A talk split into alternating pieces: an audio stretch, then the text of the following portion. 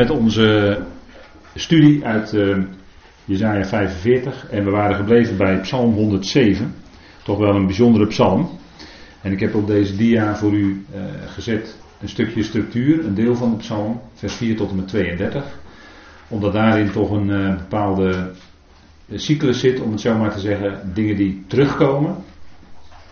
Israël, het gaat over Israël dat steeds in, op een of andere manier in verdrukking kwam.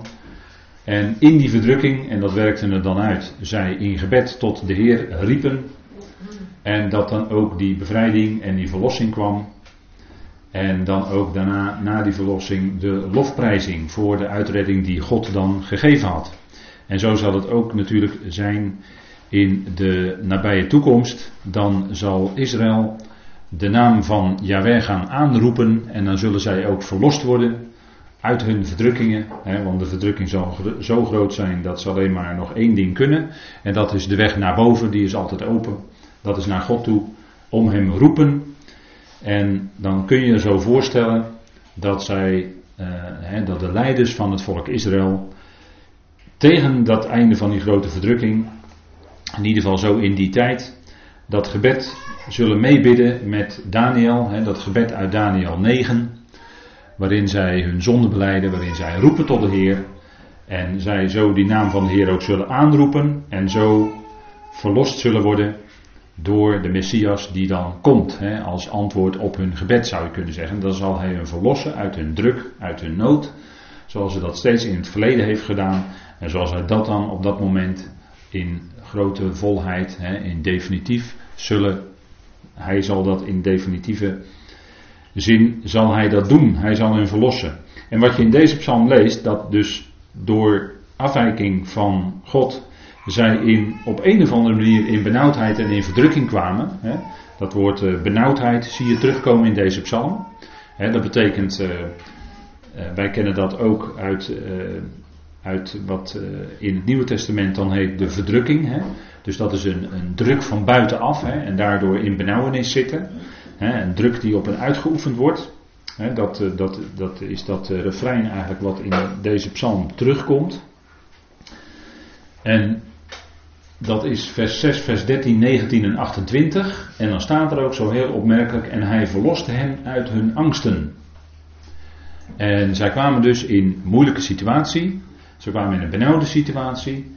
Ze kwamen in een angstige situatie hè, in hun benauwdheid. En dan staat er steeds, hij verloste hen uit hun angsten.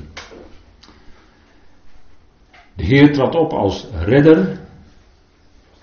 Twee keer wordt het woord Yasha, wat we al kennen, wordt gebruikt in deze psalm, vers 13 en vers 19. Hè, is dan vertaald soms met verlossen.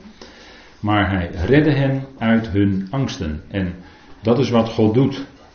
Angst is iets dat een mens kan eh, angst is iets wat de mens kan beklemmen, wat de mens beperkt. En dat kan soms heel ver gaan in een mensenleven. En, en je, kunt, je kunt het eigenlijk op alle manieren kun je dat ook, eh, kunnen mensen dat hebben. Angst voor dit, angst voor dat, angst voor de toekomst. Veel mensen zijn uh, bevreesd voor de toekomst, de dingen die gaan gebeuren. Als ze zien hoe het in de wereld steeds chaotischer wordt, dan merk je aan de mensen dat ze eh, of ze steken hun kop in het zand. En als ze dat niet zozeer doen, dan zijn ze toch vaak bevreesd en beangst voor de toekomst, voor de dingen die gaan gebeuren. Wat zal ons overkomen? En wat geeft er dan een, sowieso eh, heeft het een geweldige werking als je vanuit dat woord van God um, gaat zien hoe God die toekomst geordend heeft, hoe zijn plan gaat verlopen. Hè? Het weten van zijn plan, van de toekomst, is wat je ook rust geeft. En het kennen van Hem is wat je rust geeft. En dat kan bevrijdend werken in je leven als je eh, gebonden bent door angst. En, en uh, ieder mens kent vroeg of laat wel die emotie of dat gevoel van angst, hè, van uh, onzekerheid. Hè. Als iemand onzeker is, dan kunnen daar ook angsten uit voortkomen. Maar wat is er dan geweldig en wat kan er dan geweldig bevrijdend werken als je beseft, gaat, steeds beter gaat beseffen wie God is. En dat Hij degene is die betrouwbaar is. Dat je op Hem aan kunt, ook voor de dingen die morgen gaan gebeuren of volgende week. Eh, dingen waardoor je misschien je, je beklemd voelt, hè? waardoor je vastzit. En bij, in mensenlevens kan dat heel ver gaan, kan dat heel bepalend zelfs worden voor gewoon je dagelijks leven. En wat is het dan geweldig uh, bevrijdend als je iets van God leert kennen, als je de Heer leert kennen en in die relatie met de Heer steeds stapje voor stapje misschien, en misschien begint het met een heel klein stapje, maar aan zijn hand door die angst heen kan komen.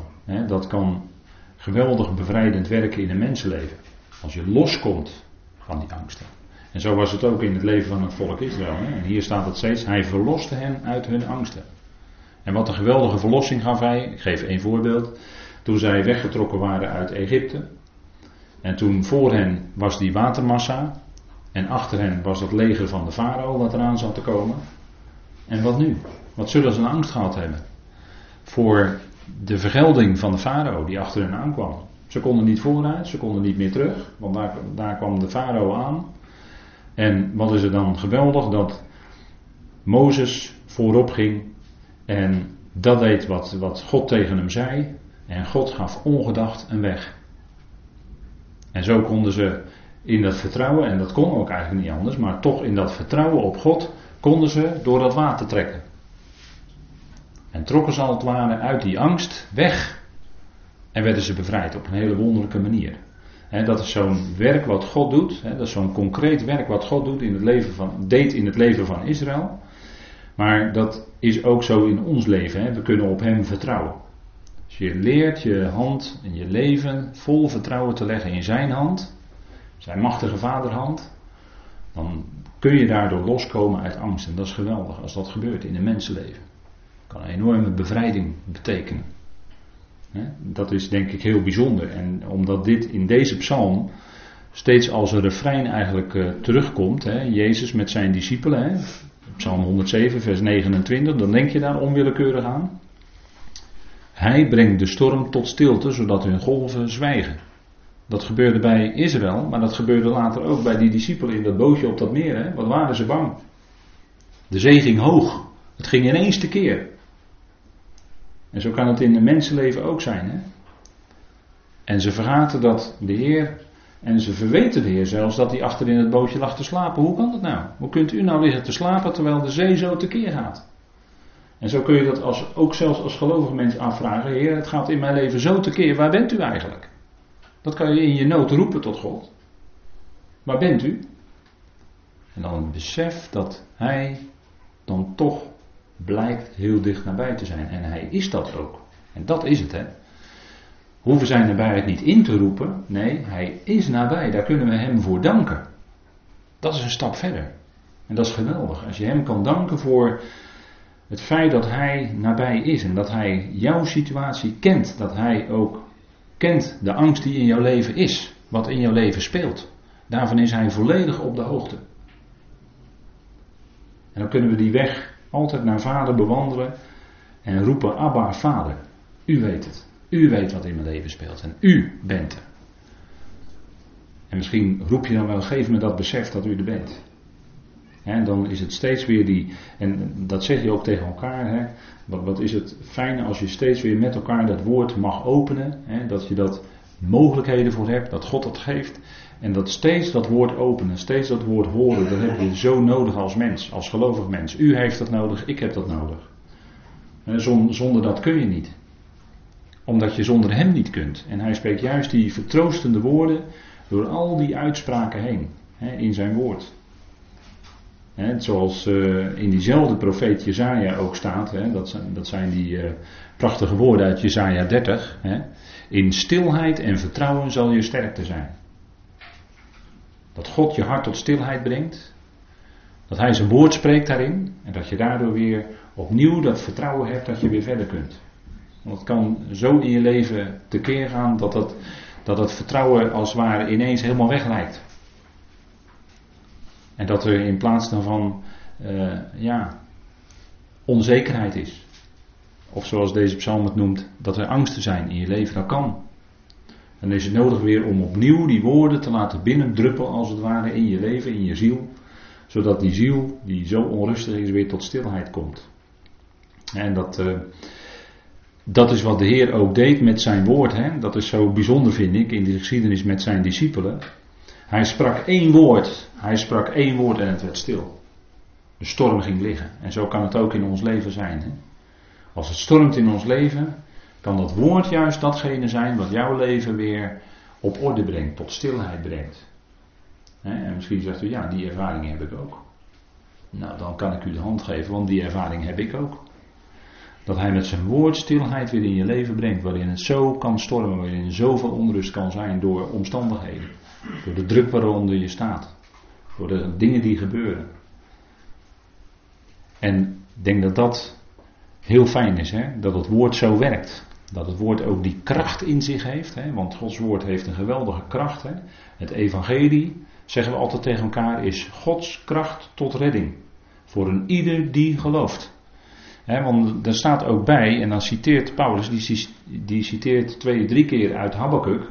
De rechtvaardige zal uit geloof leven. Dat is leven. Leven uit geloof. Leven in vertrouwen. Leven dat je vol vertrouwen je hele leven in vaders handen legt.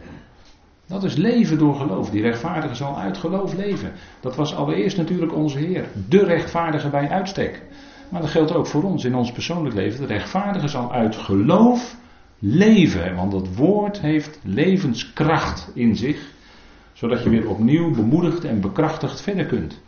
En misschien heeft u dat ook wel na deze week. Dat, dat, dat weet ik dat u dat heeft. Als u na deze week zegt: hé, hey, ik heb weer het nodige meegekregen, daar kan ik weer verder mee. Nou, dat is fijn dat God het geeft. Want dat kunnen wij niet bewerken als mensen, maar God geeft dat. En dat is gewoon fijn als dat zo, zich zo uitwerkt. Hè? En dan zijn we in die oase, om het zo maar te zeggen, even geweest. Hè, waarin we, want daar is water. Hè, daar is schaduw tegen de hitte van de dag, van het dagelijks leven waarin we zitten. Daar is water, woord van God waaruit we onze dorst, onze geestelijke dorst kunnen lessen. En zo kunnen we weer gesterkt verder. Nou, we gaan terug naar onze tekstboekje, bladzijde 18. En we hebben dan even gekeken naar Psalm 107, de moeite waard om hem helemaal te lezen. En bedenk ook wat daar dan allemaal in gezegd wordt, hè, als troost voor je ziel. Een stadsmuur, dat is de laatste alinea. Een stadsmuur kan nog zo sterk zijn, maar stelt niets voor als de poorten van kwetsbaar materiaal zijn gemaakt. Bronzen deuren, bestaande uit twee scharnierende delen, zijn niet vatbaar voor vuur, versplintering en projectielen.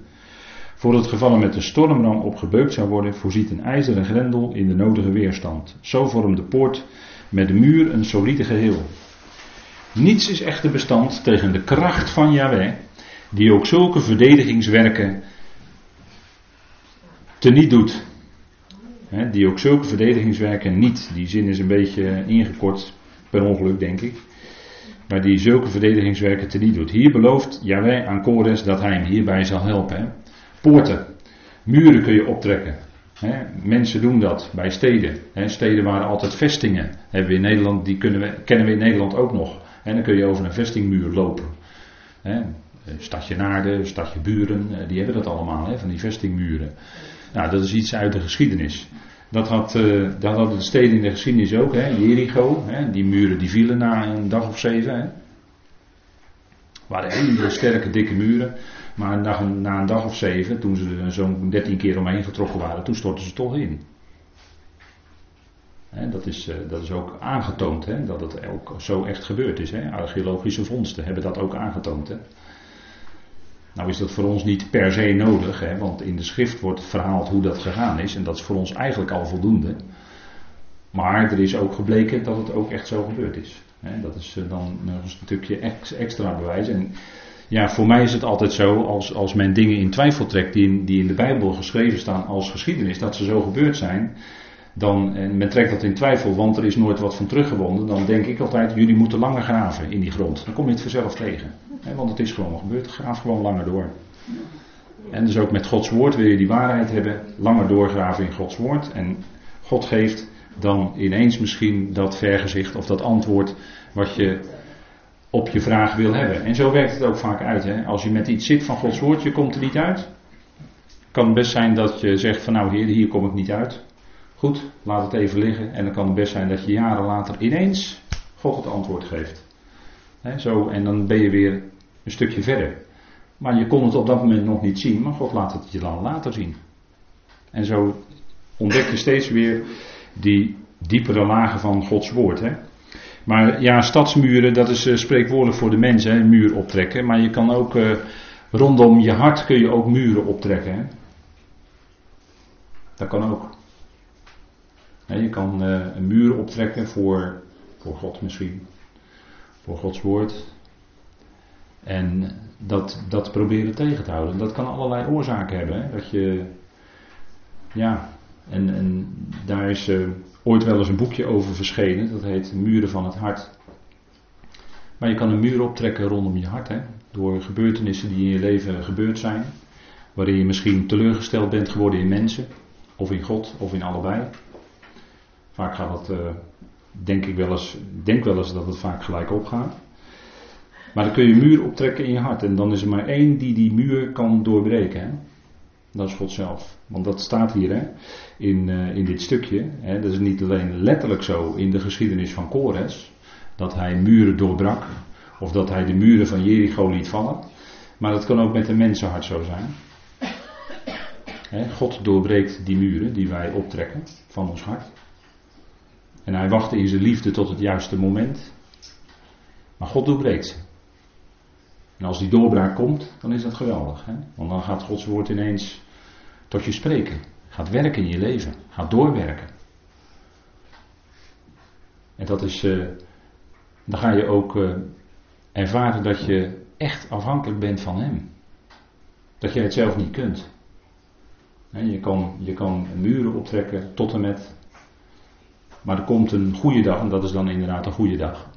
Dat God ze doorbreekt. Dat God die muren gewoon afbreekt. dat is uh, denk ik een punt. En dat zijn dingen waaraan je wel eens denkt als je dit zo leest. Hè? Letterlijke muren. God breekt ze af. Muren van ons hart. God breekt ze af. En dat doet hij op zijn tijd. En misschien merk je dat wel eens bij andere mensen. En wat kun je dan doen? Soms denk je wel, eh, het lijkt wel of ik er niet doorheen kan komen. Maar dan kun je alleen bidden tot God. En die heeft alle mogelijkheden om er wel doorheen te komen. Die kent ons menselijk hart. En de menselijk hart is heel diep. Hè? Dat zegt de profeet ook. En een mens kan soms kromme wegen gaan. Maar uiteindelijk zal blijken dat zelfs die kromme wegen door God in dat leven bedoeld werden. Om uiteindelijk uit te komen bij God en dat, om te laten zien dat die rechte weg met God toch de beste is. Maar het kan best zijn dat er eerst kromme wegen gegaan moesten worden. Om daardoor te leren wat de juiste weg is en dat dat de beste weg is. Dat je dat gaat ervaren. een mens moet soms door, en het klinkt misschien heel wonderlijk als ik dat zo zeg, maar soms moet de mens eerst door duisternis heen gaan om Gods licht werkelijk te kunnen waarderen. En dan, dan zijn we eigenlijk bezig met eh, het punt van de vragen van waarom moest de mens zondigen? Nou, omdat God met tegenstellingen werkt. Hè? God werkt met tegenstellingen in zijn plan. Duisternis en licht staat in een stukje van Jezaja 45. Duisternis en licht. Waarom is dat er? Opdat wij als schepselen zouden leren waarderen het licht. Zonder, licht, zonder duisternis weet je niet wat licht is hoor. En dat geldt natuurlijk ook voor goed en kwaad. Zonder het kwade zul je ook het goede niet werkelijk als het goede kunnen waarderen. En daarom gaat God de weg met de mens door die dingen heen. Om uiteindelijk wel die mens terecht te brengen, want dat is het einddoel van zijn plan. Maar dan zijn wel de dingen geleerd die geleerd moesten worden. En dan zal de waardering alleen maar ongelooflijk groot zijn voor wat God heeft uitgewerkt, voor wat God heeft bewerkt. En, dat, en daarin, in dat verlengde zit natuurlijk ook, zit natuurlijk ook dat het niet een makkelijke weg is die wij gaan, aan, hè, die God met ons gaat in ons leven. Maar hij gaat met ons door de diepte heen. Om te komen, door om te komen tot heerlijkheid.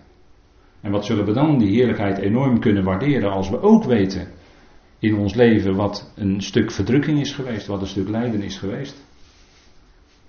Dan zullen we die heerlijkheid alleen maar nog veel en veel meer kunnen waarderen. En dat is de, de weg die God gaat. Hè? Zo, en dat lezen we ook in deze Psalm 107 natuurlijk terug. Hè? Steeds weer die weg via moeilijkheden. Om dan te komen tot het besef van hé, hey, hebben die grote God hebben we nodig in ons leven. Vader hebben we nodig in ons leven. Zodat we die verlossing ook ervaren en dat we daarna God loven en prijzen. Want dat is ook steeds weer wat terugkeert, hè? die lofprijzing. Dat is uiteindelijk, hè, dat allen zullen, hè, alles wat adem heeft, zal de Heer inderdaad loven en prijzen. Het zal heel die schepping zijn. Die zal straks die adem hebben en ze zullen God loven en prijzen. Juist als resultaat van die diepe weg die gegaan is. Dat zijn de dingen die we ook uit dit stukje mogen zien. Hè? Goed, we gaan even terug naar bladzijde 20 van onze tekst. En ik, ik gaf aan jou schatten van duisternis en verborgen bergplaatsen zal ik openen. Het is een pijnlijk, zo niet godslastelijk misverstand te denken dat God een heidens koning zou trakteren met zaken die in de krochten van het rijk der duisternis thuis horen. Het gaat hier om schatkamers. Die, zoals ook nu, hermetisch afgesloten zijn en waarin geen straaltje zonlicht kan doordringen. In die duistere, verborgen en meestal ondergrondse ruimten werden voorwerpen van edelmetaal, juwelen en edelstenen bewaard. Schatkamers waren destijds ook de opslagplaatsen voor olie, wijn, levensmiddelen en specerijen. Ook dit soort kluizen kunnen de kracht van Yahweh, van wie immers de hele aarde is, niet weerstaan en moeten hun schatten aan het daglicht prijsgeven. In dit geval aan Kores. Zo voorzag Yahweh Kores van de middelen om zijn veldtochten te financieren en zijn rijk te regeren. Volgens Plinius de Oudere in zijn Naturalis Historia nam Kores bij zijn veroveringen 54.000 pond aan goud, naast gouden vaten en 500.000 talenten aan zilver en de 15 talenten zware kelk van Semiramis in beslag. Nou, dat is nogal wat, hè? En aan die schatten wordt gerefereerd. Hè? Specerijen, juwelen, sieraden, wijn enzovoort, olijfolie, olie. Het werd allemaal bewaard in speciale plaatsen. Daar verwijst de profeet hier naar. En waar het om gaat is, opdat, en dan lezen we even verder bladzijde 20 in het midden, opdat jij weet dat ik het ben, Jaweh, die jou roept bij jouw naam. Ik, de Elohim van Israël. Het is om die erkenning dat Yahweh, de Elohim van Israël, dit doet. Dat wordt door de mens maar al te vaak miskend. Ingefluisterd door de tegenstander die vanaf het begin steeds met dezelfde leugen komt van mm, niet alles geloven wat God zegt. Niet alles geloven wat God zegt. Eva was zijn eerste slachtoffer. De mens heeft aanhoudend Jaweh gekleineerd en geschoffeerd op een wijze zoals de apostel Paulus beschreef, namelijk door de heerlijkheid van de onverderfelijke God te veranderen in de gelijkenis met een beeld van een bederfelijk mens, van gevleugelden, van viervoeters en van reptielen. Romeinen 1 vers 23, hè? luid en duidelijk. Het is ook een aflopende reeks. Hè? Het begint hoog en het eindigt bij reptielen, de slang. De slang. Degene die op zijn buik ging, de nagash. Zoals eerder hiervoor bij vers 2 al opgemerkt heeft Kores inderdaad geweten wie hem bij zijn naam geroepen heeft. Dat is gewoon de vrijheid, de maximale vrijheid die Yahweh heeft. Die roept gewoon een heidense heerser als Kores, roept hij bij zijn naam om dat te gaan doen wat hij wil. Nebukadnezar, mijn knecht. Dat is Yahweh, dat is de God van Israël. Die heeft dat macht, dat vermogen om dat te doen. En dat is wat ook uit ons jaarthema natuurlijk spreekt. En uh, dat is wat wij ook uh, mogen beseffen. En dan komt het weer dichtbij. Het is God die ons roept bij onze naam. En het mooie is dat de naam van een kindje in de Bijbel wordt ook geroepen. Je zult zijn naam roepen, staat er dan. Jezus. Jehoshua. God redt. Jawel redt. Maar dan staat er niet, je zult zijn naam noemen. Nee, je zult zijn naam roepen. Jezus. En zo werden namen in de Bijbel steeds over het kind geroepen. En in namen zit natuurlijk in de Bijbel altijd heel veel. Hè? Als we kijken naar namen en je weet de betekenis ervan, dan weet je ook de geschiedenis van iemand. En soms is het ook wonderlijk dat het bij mensen ook zo werkt. Dat mensen een naam hebben gekregen en op een gegeven moment denk je: hé, hey, waarom heb jij die naam eigenlijk gekregen? En dan lijkt het wel alsof wat de betekenis van de naam ook in dat leven naar voren komt. denk je, hoe is het mogelijk, hè? Hoe is het mogelijk? maar ik denk toch dat daarin we niet zonder leiding van God zijn. En misschien soms zelfs onbewust, zoals het ook bij Kores was. Omdat jij weet dat ik, Yahweh, het ben die jou roept bij jouw naam. Ik, de Elohim van Israël. En dat is dan die relatie ook. Zoals Yahweh Kores riep, zo riep hij ook Israël. We gaan dat zien. In vers 4. En we lezen dan even verder op bladzijde 20. Aangaande mijn slaaf, Jacob en Israël, mijn uitgekozene, ik roep jou bij jouw naam, ik geef jou een aanspreektitel en toch ken je mij niet. Dat was het verdriet van Jahweh. Ik roep je bij je naam en toch ken je me niet. Jacob, degene die een kromme weg ging, vanaf Lus. Hè? We kennen in ons Nederlands toch ook dat woord lus. Lus is een, uh, eigenlijk als je een weg gaat en daar komt een lus in, dat is eigenlijk een afwijking. Hè? Dat is ook precies wat in Jacobs leven gebeurde. Hij, hij was in het land. Hij ging naar oom Laban. Twintig jaar lang was hij uit beeld bij vader Isaac en moeder Rebecca. En hij kwam na twintig jaar weer terug. Maar in die twintig jaar was hij misschien voor zijn eigen ouders niet zichtbaar. Maar voor God wel. Want die werkte bij oom Laban heel wat uit hoor.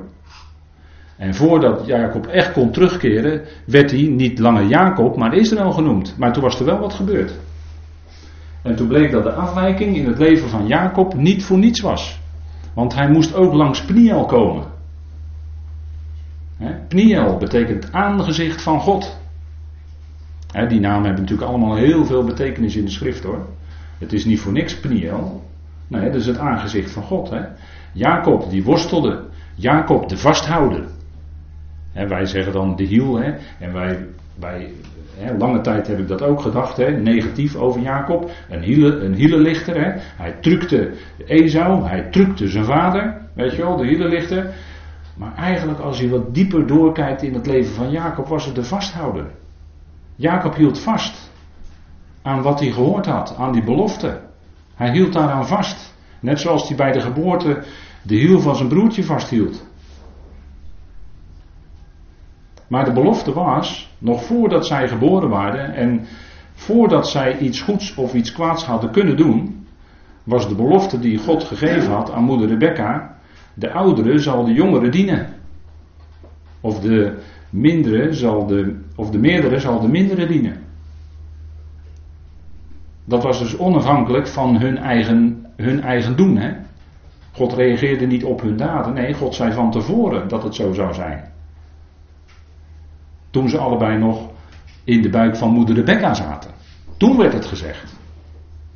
Dat was de belofte. En die heeft God waargemaakt. wij zeggen dan kromme Jacob, inderdaad.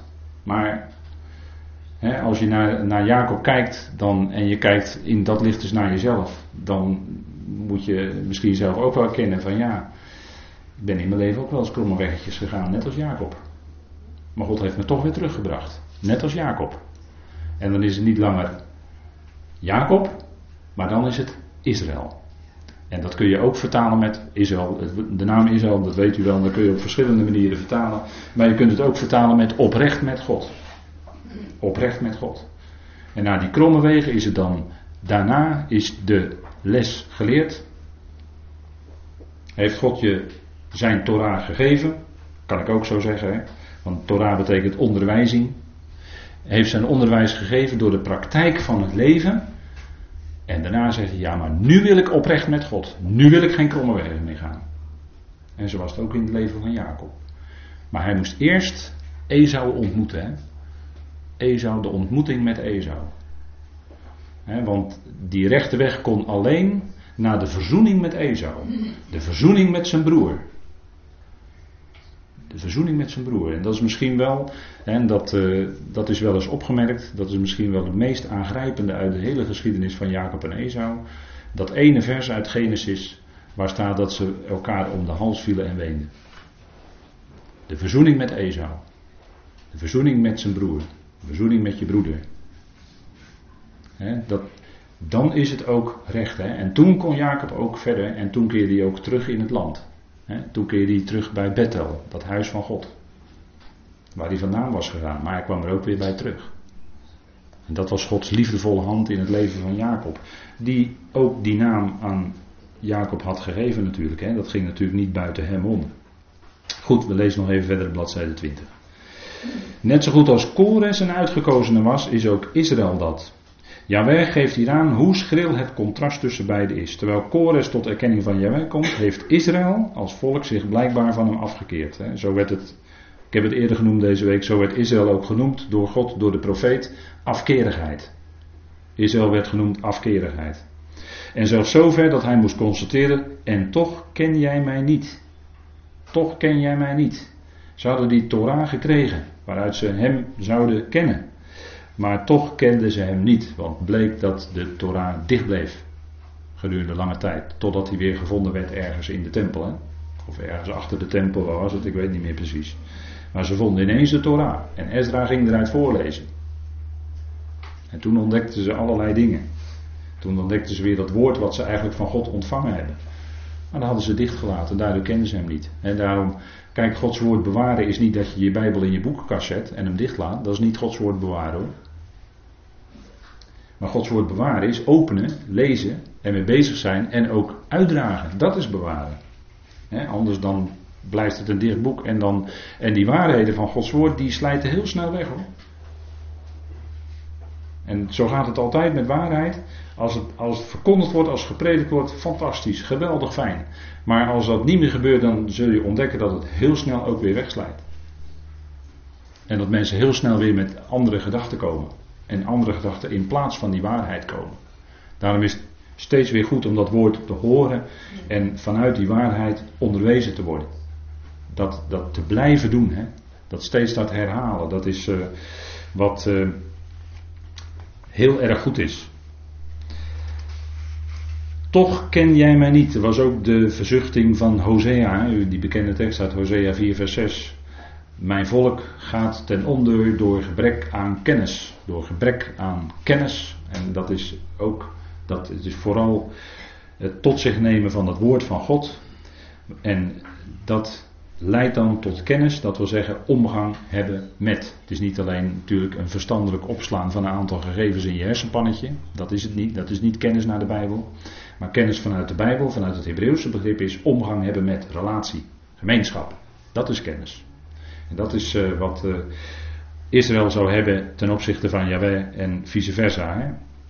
Jezaja moest dus al voorzien hoe Israël, Gods oogappel wordt hij genoemd hè, in Deuteronomium. Dan gaat het om de pupil, hè, dat kleine pupilletje van het oog. Hè.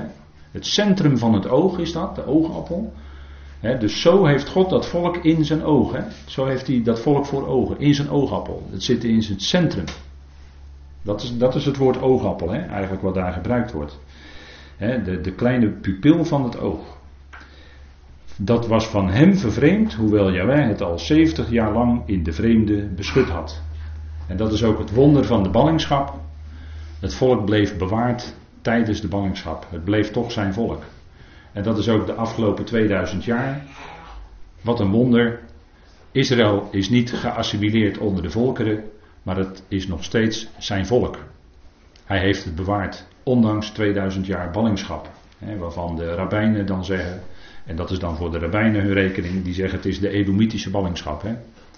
Rome is Edom, zeggen ze dan. En uh, Edomitische ballingschap, dat is al, die ballingschap is in ieder geval al 2000 jaar, maar God heeft beloofd dat ze daaruit zouden terugkeren. Staat in hetzelfde Deuteronomium, hè, die laatste hoofdstukken. God heeft het beloofd dat ze zouden terugkeren. Hij zal terugkeren met een hoofdletter en hij zal ze terugbrengen. Het staat allemaal in Deuteronomium. Die terugkeer dat, is de, dat is wat God doet. Hij, keert, hij zal doen terugkeren. Hij brengt weer tevoorschijn wat misschien voor ons verborgen was, maar hij brengt het weer tevoorschijn. Zijn eigen volk. In ondergegaan in die volkerenzee, maar hij brengt het weer tevoorschijn. Het blijft, en dat is een groot wonder. Hè? En soms zeggen mensen van, joh, ik zou wel een bewijs van God willen zien in deze wereld. En dan zeg ik soms wel eens in dat soort gesprekken, zeg ik, kijk nou eens naar Israël. Dus Gods volk, dat is er nog steeds. Ik zeg, als je nou een bewijs wil hebben, zijn volk, Dat is nooit ten onder gegaan. Zelfs niet in de Tweede Wereldoorlog. God heeft zijn volk bewaard door al die jaren heen. Is dat niet een bewijs van Gods trouw? Ja, toch? Nou, dat is, dat is, hè, dat is een stukje bewijs. En natuurlijk, hè, als het gaat om dingen als dood en opstanding, dan hebben we toch de illustratie uit de natuur. Dood en opstanding. Dat God nieuw leven geeft uit dat wat sterft. Die graankorrel, die sterft in de aarde. Hè, die, die, die laten we in de aarde vallen, doen we heel bewust. Opdat er weer die nieuwe aarde uit tevoorschijn zal komen. En dan is het later ook tijd om te oogsten. Nou, dat is wat God doet, hè? illustratie in de natuur geven. In het, in eh, voorjaar, als het, als het net nog winter is, dan lijken heel veel bomen wel dood. Hè? Al die takken, er zit geen blaadje aan. En wat gaat er gebeuren? Er komt allemaal weer groen uit. Beeld van de opstanding. Illustratie uit de natuur. Wat God doet. Dat is, dat is, als je daar oog voor krijgt, is dat natuurlijk fantastisch. Het uitgekozen volk, we lezen nog even verder, kreeg van Yahweh door tussenkomst van aartsvader Jacob de naam Israël. Jacob wist als geen ander hoe God hem door alles heen geleid had. Op het stuk land dat hij na zijn weerzien met Esau van Hemor gekocht had, richtte hij een altaar op en noemde dat Eel is de Elohe van Israël. Door geloof geleid, door geloof geleid, dat is een boekje, dat is een boekje hebben we. Vertaling van artikelen van broeder Gillesnov, door geloof geleid. Boekje van broeder Gillesnov, dus al jaren ligt dat op de boekentafel. En als u het niet heeft, zou ik zeggen, ga het eens, ga eens meenemen naar de dienst en ga daar eens in lezen. Er is hier één in Maren, dankjewel. Dus als een echt iemand is die zegt van, ha, dat wil ik nu vanavond graag lezen, dan is dat zelfs hier in Maren aanwezig. Heel fijn. Door geloof geleid. Heel bijzonder. Wees hij daarmee naar hem die wij eeuwen later als Godszoon onze Heer hebben mogen leren kennen. De verslagen van Matthäus, Marcus, Lucas, Johannes laten zien hoe dat Israël hem, het vlees geworden woord, toen ook al niet gekend heeft. Hij kwam tot het zijne, maar de zijnen hebben hem niets aan, niet aangenomen. hij deed tekenen en wonderen, maar ze erkenden hem niet. Niet voor niets constateerde Jawij al vroeg dat het een volk hart van nek was. Het is een halstarrig, een hardnekkig volk. Stijf van nek. Weerspannig kun je ook vertalen. En dan komen we aan ons jaarthema. Ik ben Yahweh en er is geen ander. Naast mij geen Elohim. Gods uitspraak in Jesaja 45 vers 5 rekent af met filosofieën zoals atheïsme, polytheïsme, agnosticisme. Die kunnen wat ons betreft in de bekende wegwerpbak. De uitspraak ik ben Yahweh loopt als een scharlakendraad door de hele Torah en wordt daarna bij Jezaja nog het meest gezegd. Het duidt de God aan die zijn volk uit de ellende heeft uitgeleid en gered. En zo zal het ook in de nabije toekomst weer gaan. Als zij weer in de ellende zitten, weer onder het juk komen van de wettelozen, dan zullen ze weer uitgered worden. En zal God doen wat hij steeds gedaan heeft met zijn volk, die uitredding geven, die dan ook wereldwijd tot verbazing zal leiden. Goed, tot zover voor vandaag. We gaan morgen verder. Zullen wij de Heer danken? Vader, we danken u dat we dit moment weer van u mochten ontvangen. We danken u dat we een aantal facetten weer met elkaar konden bekijken. Bijzondere dingen die uit uw woord naar voren komen. U bent het die trouw bent. Vader, u kunt niet ontrouw zijn. U kunt niet liegen. U spreekt waarheid per definitie. U bent de God waar alle waarheid van uitgaat. En dank u wel, Vader, dat uw liefde het is die ons leven leidt. Uw liefde het was die een Jacob leidde totdat hij Israël was.